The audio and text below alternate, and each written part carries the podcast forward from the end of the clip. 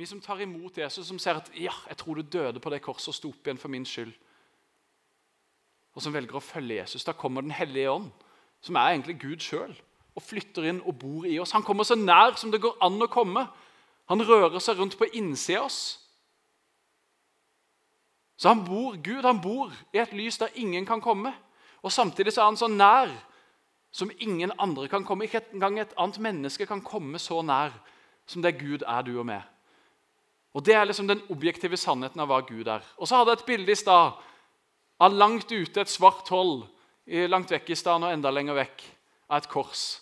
Og så Hvis vi går inn i kroppen vår, så består kroppen vår av celler. Og så finnes det et slags lim inni kroppen vår som holder cellene sammen. Som sørger for at kroppen vår henger sammen. Og Det stoffet, det proteinet, det limet, det heter laminin. Og vet dere hvordan laminin ser ut? Det ser sånn ut. Og det kan godt være det er tilfeldig. Og det kan godt være det er Gud som har humor. Men når du stikker så langt du kan ut i verdensrommet, så finner du korset. Og når du kryper så langt inn i kroppen vår og finner det minste proteinet som fins, så er begge deler tegna med et kors. Som er Gud sjøl sitt eget symbol. Som er symbolet på oss som tilhører ham.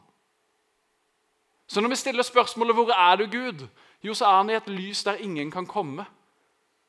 Og så er han samtidig helt nær. Så nær som ingen andre kan komme. Og Det er den objektive sannheten som Bibelen forteller oss. Og Hvis du var i tvil, så er denne boka her til å stole på. faktisk. Det har jeg snakka om en gang før, så det skal jeg ikke gjøre i dag. Men det er til å stole på det som står i den boka. Vi kan feste lit til det, vi kan ha tillit til det. Så Gud han er langt unna og helt nær. Det er den objektive sannheten. Men så kan vi jo da stille spørsmålet, sånn som David, kong David som hadde skrevet Salme 13, som vi leste innledningsvis her. Hvor er du, Gud? Så kan vi stille det helt subjektivt i mitt liv. Ja vel, Gud, så bor du i et lys der ingen kan komme, og så er du skaper av alle ting. Og så ja vel, så bor du inni meg. Men hvor i heiteste er du hen, da? Hvorfor opplever jeg det ikke? Hvorfor kjenner jeg det ikke? Hvorfor er du ikke der? Og Jeg husker en gang at du var der. Før var du jo der så veldig tydelig. Men hvor er du nå? Jeg skal forresten, Ja, vi kan ha det bildet. Og Sånn er det for veldig mange mennesker. Og jeg husker det sjøl. Jeg har vokst opp i et kristent hjem. Jeg har alltid ansett meg for å være kristen. Jeg har aldri tvilt på at Gud eksisterer. Men jeg valgte en gang å ta et, en bestemmelse for meg sjøl om at Jesus, jeg har lyst til å følge deg. Jeg tror på deg. Jeg vil gi mitt liv for det. Eh, eller til deg og følge det. Og så husker Jeg det, jeg var på ungdomsmøtene våre, Power Station, som det heter, og kjente åssen Gud var der når vi lovsang. Jeg kunne kjenne prikkinga i huden. Masse følelser. Og Det var så godt jeg kunne komme dit noen ganger og være litt sånn nedfor. Og når jeg gikk derfra, så var det som om Gud bare hadde vært der og gjort noe i meg. Og Kanskje du kjenner deg igjen i det sjøl. Og så husker jeg at det kom til et punkt jeg var kanskje 16-17-18 år. jeg vet ikke, Som det opplevdes som at noe av det der forsvant. Plutselig så kjente jeg ikke de samme følelsene lenger. Plutselig så kjente jeg ikke at jeg fikk frysninger nedover ryggen. Plutselig så opplevdes ikke Gud så nær som det han hadde gjort før. Og jeg gikk og lurte på, Er det fordi at jeg driver og synder med de her tinga, så kan ikke Gud komme og være nær meg? Det er sikkert noe feil med meg. og Gikk og tenkte på sånne ting. Og Det gikk egentlig noen år to-tre år jeg vet ikke, uten at jeg egentlig kjente Guds nærvær. Uten at jeg opplever at ah, nå er han der, nå rører han med meg. Jeg er i hvert fall ikke sånn som jeg var vant til fra tidligere. Og Sånn er det utrolig mange som har opplevd. Og Ungdomstida det er den tida der aller flest tar imot Jesus, der de blir kristne. Det er en veldig bra tid for å ta et valg. opp seg. Men så ser en dessverre det at når folk kommer i den alderen som mange av dere er, og blir studenter og unge voksne, så er det mange som forlater troa da, eller som har gjort det allerede. Og Mange ganger så kan det være nettopp pga. det, at en husker hvordan det var når en var 15-16 år og full av hormoner og følelser for alt mulig rart. En kunne begynne å grine for alt mulig rart. En var forelska i en ny person hver dag. og Alt var bare et rush av følelser. Og så var det sånn med gudsrelasjonen òg. Og så kjentes det så fantastisk godt. Og så plutselig så står en på et annet sted i livet og så lurer en på hvor er du, Gud? Hvor ble du av hen? Hvor er frysninga på ryggen? Var det bare noe, en bløff, liksom? Og så kan det være at de sterke følelsene og opplevelsene som en fikk med Gud i den tida, det hadde noe med ja, hormoner og pubertet og alle mulige sånne ting, at alt ble forsterka. Men det kan òg være at det er andre grunner til dette her. Og Dessverre så er det da sånn at mange faller ifra og mister hele troa si på Gud, eller vender Gud ryggen fordi at ikke det ble sånn som de hadde tenkt. Eller kanskje de ble skuffa på Gud. Og En type som heter Johannes av Korset, som levde for ganske lenge siden eh, og var en, ja, en av kirkehistoriens store skikkelser. Jeg skal lese litt fra en bok som heter 'Jesus gikk videre, og menigheten sto igjen'.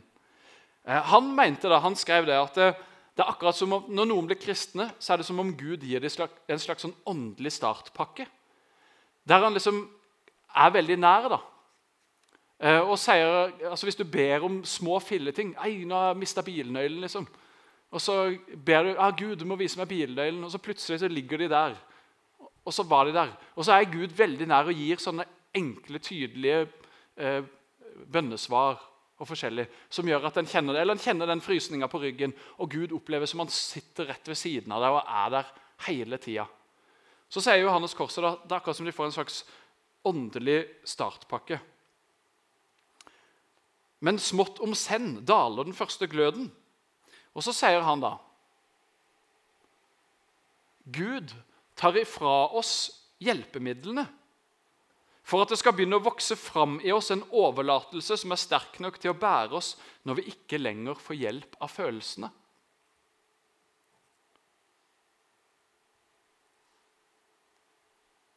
Så det som er greia, da, tenker Johannes av Korset Det er som om at Gud gir oss en åndelig startpakke der han sier at 'jeg er her', rett ved siden av deg, hele tida, alltid. Og så plutselig så er det som om han bevisst trekker seg litt unna. Og ikke svarer med en gang, og så finner du ikke igjen den bilnøkkelen. Den bare forsvant. Og Du fant den iallfall ikke når du trengte den. Svaret kom for seint. Eller større og verre ting. Så er det som om Gud holder litt igjen eller ikke svarer. Og så kan du det høres forferdelig grusomt ut. Hva er det du holder på med, Gud? liksom? Hvorfor er du ikke der? Hvor er du, Gud? Hvorfor er du ikke rett ved siden av meg, sånn som du var før? Eller sånn som jeg lærte på søndagsskolen, at Gud er der alltid rett ved siden av meg. Og så plutselig så er det ikke sånn lenger. Men hvis vi tenker litt større på det, da Er det ikke det alle foreldre gjør med sine egne barn? Jeg har tre barn sjøl. Han eldste er ni, og hun yngste er 15 måneder. Og jeg går ganske mye tettere med hun som er 15 måneder, enn jeg gjør med han som er 9. Han sender jeg alene på skolen, og han får gå på butikken, og han får sykle til venner. Og Det er ikke sånn at jeg sykler ved siden av han liksom, og passer på han og, og sørger for at han ikke velter på sykkelen eller ja, er der hele tida. Nei, jeg slipper han ut i verden. Og Det samme med han som er snart seks år. Han får òg stadig utvide grensene sine mens hun som er 15 måneder, jeg slipper ikke henne på butikken alene. Hun kan ikke veien dit, for å si det sånn. Så hun må jeg gå tett sammen med. Og Det handler jo ikke om at det ikke er der i de sine liv, men det handler om at de skal få friheten til å bli selvstendige. Og for at ikke de skal være avhengige av en sånn pappa som går og leier dem gjennom livet. Men jeg er der når de trenger det. Jeg er der hvis de har behov for meg. Og jeg er raskt der hvis det har skjedd noe. Og sånn er det Gud gjør med oss òg.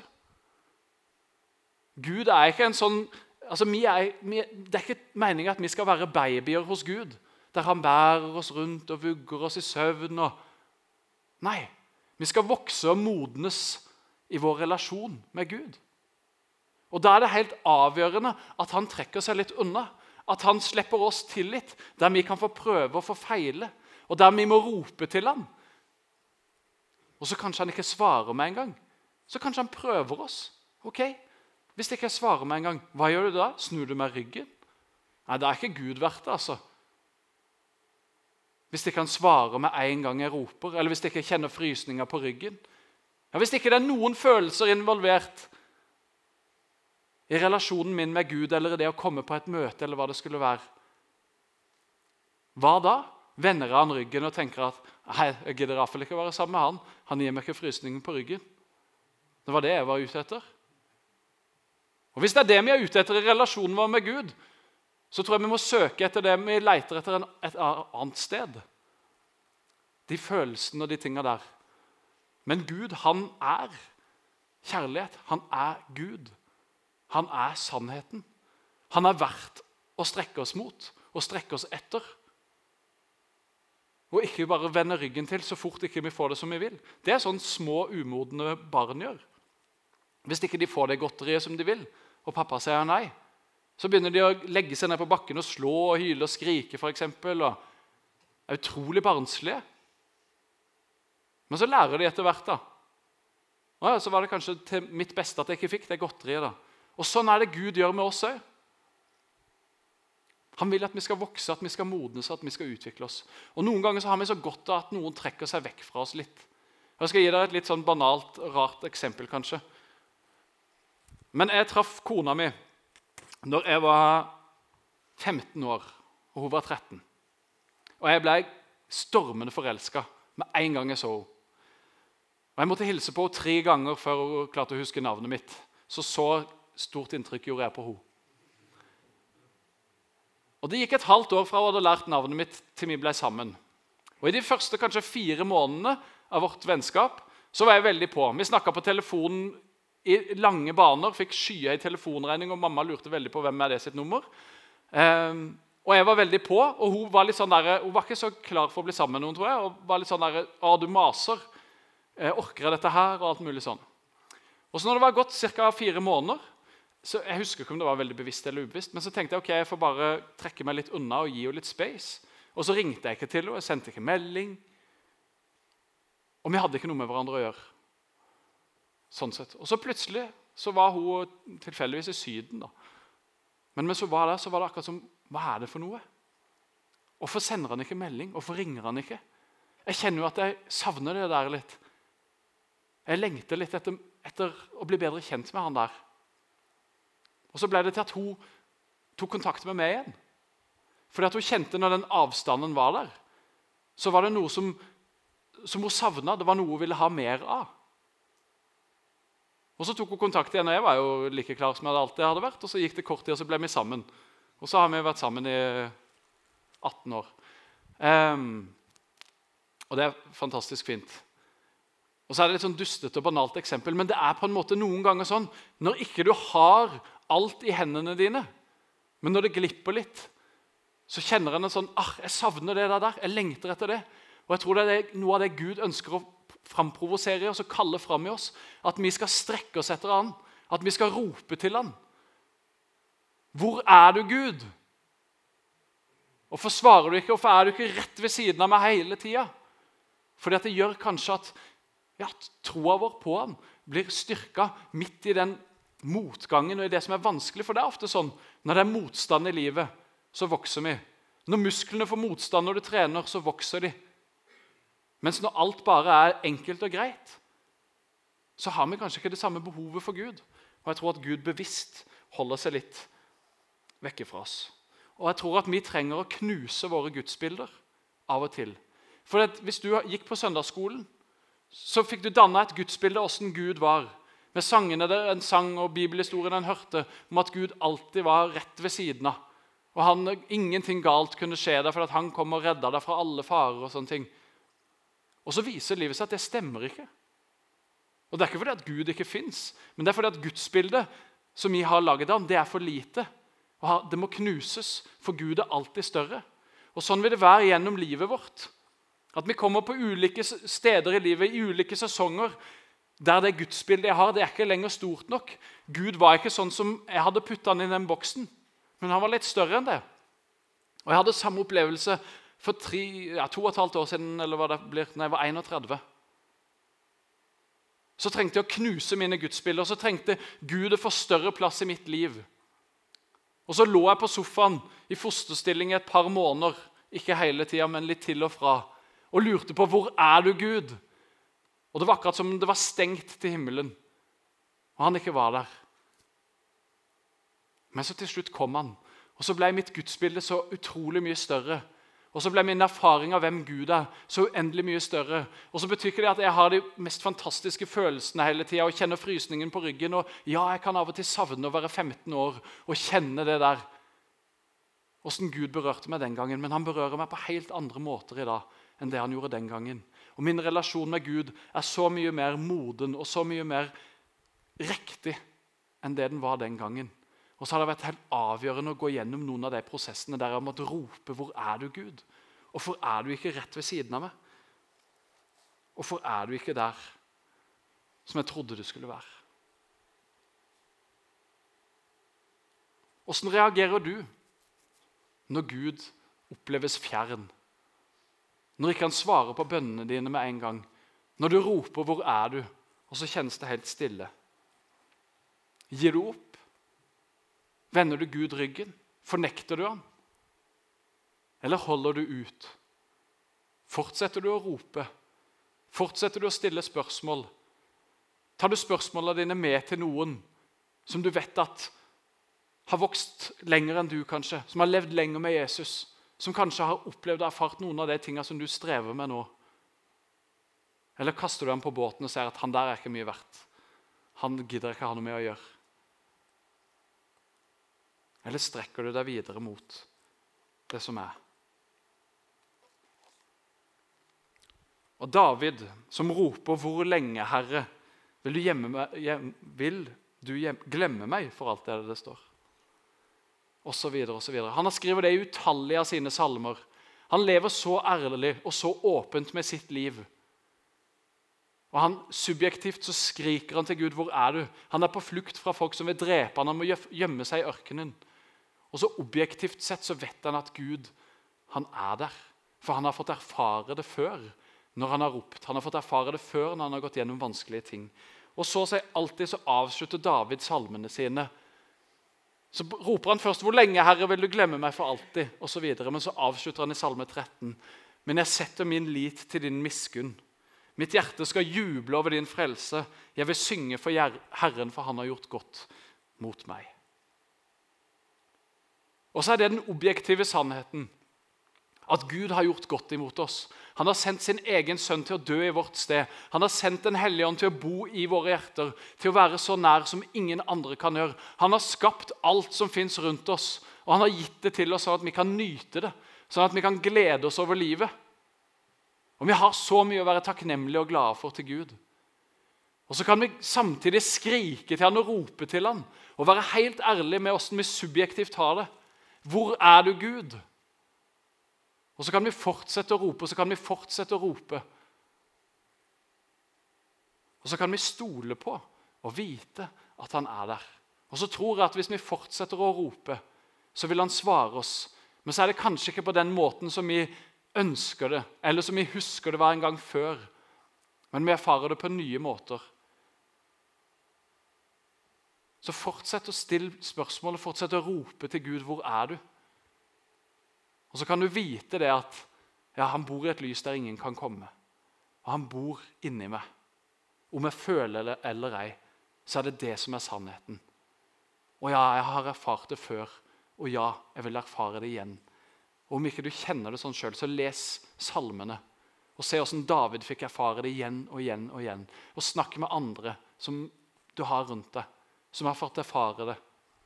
Og Våg å stille de spørsmåla. våg å være ærlig, våg å rope til Gud. Han som er langt borte, som bor i et lys der ingen kan komme, men som samtidig er helt nær. Og Jeg tror at han kaller på oss, sånn som jeg sang i den sangen, øh, sangen i stad. Kom og se. Han kaller på oss, han lokker på oss, han roper til oss. Og hvis du er her og ikke kjenner Gud og ikke vet hvem han er, så tror jeg at han sier at 'jeg er her'. Kom og se. Dørene står vidåpne. Jeg er en kjærlig pappa som elsker deg. Og Hvis du er her og strever med å få øye på han og hvor han er, så ser han det samme. Jeg er her. Fortsett å rope. Fortsett å søke meg. Fortsett å leite etter meg. Så vil jeg knuse det gudsbildet som du har, og så vil jeg utvide det. Jeg vil sprenge grensene for åssen det er i ditt liv. Så er det sånn at eh, På Touchpoint her så har vi noen som er veiledere og forbedere som du kan snakke med. som du kan stille spørsmål til, som kan be for deg, og som du kan gå sammen med. I dag er det Øyvind Eskedal og Silje Gabrielsen. Og De har levd lenge med Jesus. De er noen år eldre enn dere. Og de har erfart ting i sitt liv. Og det vil jeg bare oppmuntre deg til. Hukk tak i dem. Snakk med dem. Vær ærlig med dem. Fortell åssen du har det. Og så se om Gud vil komme og møte deg i dag, kanskje. Men fortsett å søke ham. Og så er det noen ganger sånn at jeg kjenner på noen ting i kroppen. Noen smerter i kroppen som er ikke mine egne, men noen andre sine. Og mens jeg satt her i lovsangen, så kjente jeg en sånn stikking nede i korsryggen, litt til høyre for midten av korsryggen. helt nede. Og Det er en måte som Gud taler til mennesker for å si at 'jeg er her, jeg ser det'. Uh, og Det kan være at det er noen her i dag som har vondt akkurat her. og Hvis du har det, så vil jeg oppmuntre deg til å hooke tak i en av forbederne og la de be for det. Eller hugg tak i meg etterpå hvis du vil det. Så kan jeg be for det. Og nå skal jeg be sånn generelt for det som har vært. Gode Gud. Takk for at du er en god Gud. Takk for at du er en kjærlig pappa som elsker oss. Og takk for at du kjenner den enkelte av oss, og du vet hvor vi er i våre liv. Og hvor vi er i vår vandring med du, Herre Jesus. Om vi kjenner deg eller ei, om vi kjenner deg godt eller bare litt, Herre. Og Jesus, Jeg ber om at du skal lede oss i relasjonen med du, Herre, det viktigste som vi har. Og la oss vokse i den, Herre Jesus. Må du ta oss inn i og gjennom utfordrende situasjoner og sesonger i livet som gjør at vi kan vokse, så vi kan lære mer, så vi kan lære du bedre å kjenne. Og der de gudsbildene som er for små, kan sprenges og rives i stykker, sånn at nye og større åpenbaringer av hvem du er, kan bli synlig for oss, og vi kan vokse og modnes med du, Herre. Velsign den nydelige gjengen som er her. Og Herre, jeg ber om at eh, hvis, har, hvis, det er noen spesielt som du har vilt tale til i dag, Jesus, så må de ha fått kjenne det, fått erfare det at du er helt nær, og du ser dem, og du lengter etter dem. Takk, Herre, for din nåde og din storhet.